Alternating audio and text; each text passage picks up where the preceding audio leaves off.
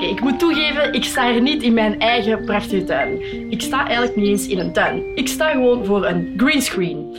Maar ik zou wel heel graag zo'n prachtige tuin willen hebben. Hoe begin ik daaraan? Zaaien, wachten op regen en af en toe wat misten. Ja, af en toe wat mest. Het is wel iets ingewikkelder dan dat. Uh, we kunnen er iets meer over zeggen. Dit is Harry Olde Venterink, plantenecoloog aan de VUB. Een plantenecoloog is iemand die bestudeert hoe planten in de natuur groeien, hoe ze omgaan met andere planten en met dieren en wat het effect is van meer of minder voedingsstoffen. Dit is eigenlijk een hele simpele opzet van hoe wij planten in uh, potjes op, eh, opkweken. Dan gaan we kijken wat is het effect als we daar verschillende hoeveelheden stikstof aan toedienen. Hoeveel stikstof heeft een plant nodig? En wat als een plant te veel of te weinig stikstof of andere voedingsstoffen krijgt? Dat is wat Harry bestudeert en hij is dan ook de man die weet hoe dat zit met het stikstofprobleem. En met wie ik het kan hebben over mijn droomtuin. Heeft elke plant mest nodig? Planten hebben iets van 14, 15 uh, essentiële voedingsstoffen nodig. Um, zonder die voedingsstoffen kunnen ze niet groeien of kunnen ze hun levenscyclus niet, uh, niet rondmaken.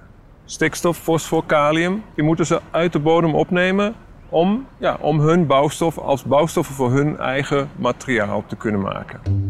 Maar planten in een pot, die hebben wel wat meer nodig. Kijk, zo'n plant in een pot, die plant groeit. Het potje gaat op een gegeven moment helemaal vol zitten met wortels en er zijn steeds minder voedingsstoffen. Op een gegeven moment gaat het plantje dan al die voedingsstoffen op hebben. Dus ja, als die dan nog moet groeien, dan moet je voedingsstoffen aan toevoegen. Uit een flesje, via een staafje of zoals ze die in de landbouw gebruiken, fosfor of stikstof. Planten in een pot hebben na een tijdje dus mest nodig. Maar planten in de natuur of in je tuin, die moet je in principe niet bemesten. Die meststoffen die zitten in de bodem. En planten kunnen dat uit de bodem halen Um, omdat ook in de bodem allerlei processen plaatsvinden waarbij organisch materiaal, hè, door de bladeren, door de planten, um, worden omgezet in voedingsstoffen die dan weer beschikbaar zijn voor planten. Soms doe je met die mest zelfs meer kwaad dan goed.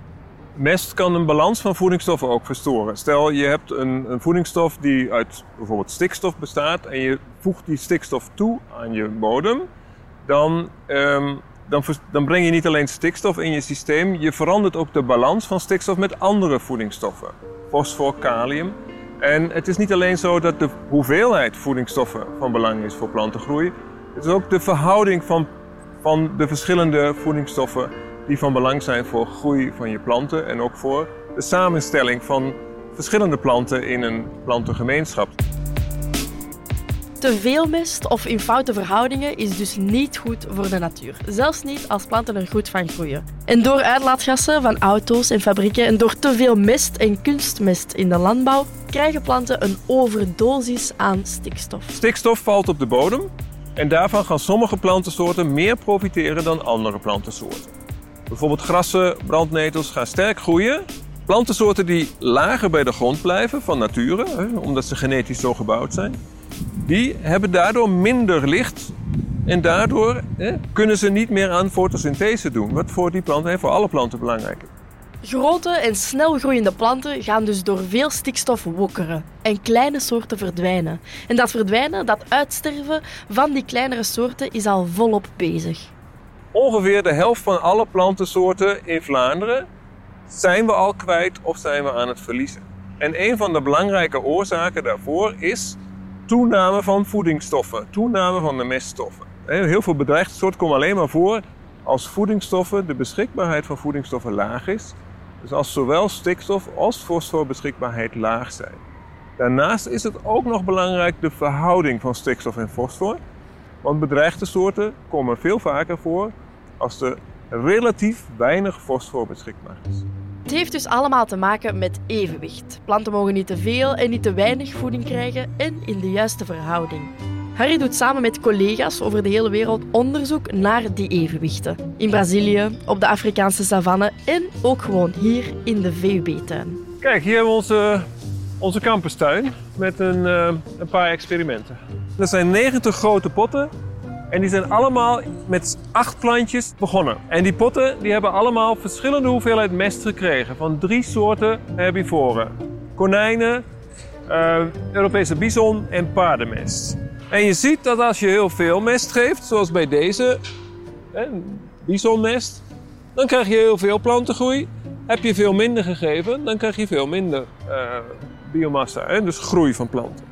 Daarnaast doen herbivoren nog iets anders. Ze produceren niet alleen mest wat invloed heeft op de planten, ze eten ook de planten. En um, dus dat proberen we ook te simuleren, hè, na te bootsen, door sommige potten niet te knippen, hè, te, uh, dat het niet wordt gegeten, en andere die uh, simuleren dat het wel wordt, allemaal wordt gegeten.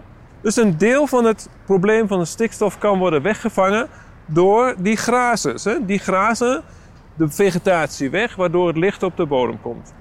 Wat ook blijkt uit die nutnet, de Nutrient, dat, dat grote, studie, uh, grote internationale studie, is dat die grote grazers dat niet helemaal kunnen bijbenen, helaas. Dus de stikstof die uit de lucht valt, kan een deel het probleem worden weggevangen, maar niet volledig. Ze kunnen niet helemaal bijbenen. Er is dus voor sommige dieren gewoon meer voedsel dan ze opkrijgen. In je tuin kan je dat misschien nog wel snoeien, maar in een bos of zo kan dat niet, waardoor de kleinere planten daar uitsterven door te weinig licht. Kijk, dat van dat licht dat kunnen we ook meten. We hebben hier een lichtmeter. Eigenlijk zijn het er twee. Een kleintje en een grote. En het kleine lichtmetertje dat houden we boven de vegetatie. Dus die meet hoeveel licht hier op dit moment is. En die grote stok hier, dat is een grote geïntegreerde lichtmeter of sensor. En die steken we zo in de vegetatie. In dit geval, er valt nog geen procent licht op de bodem. Al het licht wordt weggefilterd door de vegetatie die erboven groeit.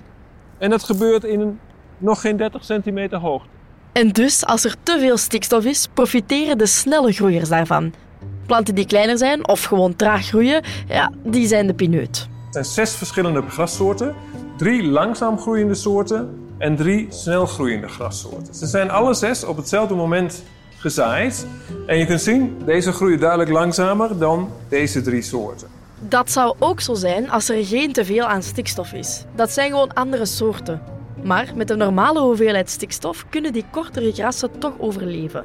Want de natuur heeft daar iets geweldig opgevonden. Snelgroeiende soorten die worden meer gegeten door herbivoren dan de langzaam groeiende soorten.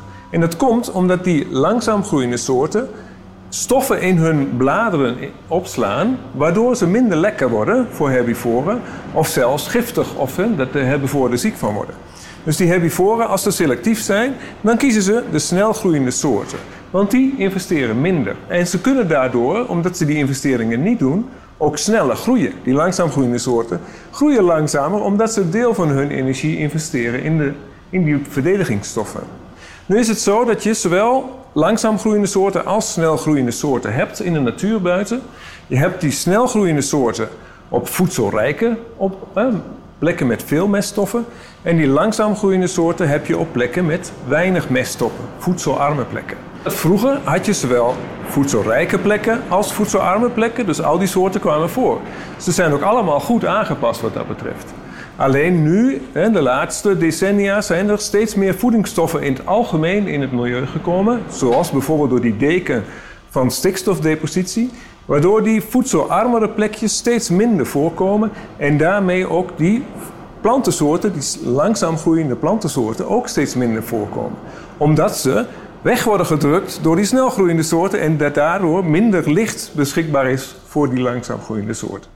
Tegenwoordig is te veel stikstof in de lucht eindelijk erkend als een probleem. Eindelijk wordt er ook iets aan gedaan. Want wetenschappers weten al 150 jaar dat te veel meststoffen bepaalde plantensoorten kan doen verdwijnen. In het Park-Grass-experiment in Engeland daar wordt dus 150 jaar al die stalen genomen. En daaruit kunnen we opmaken dat de stikstofdepositie de piek is geweest in de jaren 80, maar dit, dat die nu ook weer aan het afnemen is. Um, dat komt door milieumaatregelen. Maatregelen die dus die stikstofdepositie verminderen, hebben dus effect. We zijn nog niet helemaal terug bij af, maar er is goede hoop dat we de goede kant op gaan. En daar waaraan natuurherstel gedaan wordt, komen er ook weer meer verschillende soorten bij. Bijvoorbeeld in de vallei van de Zwarte Beek in Limburg.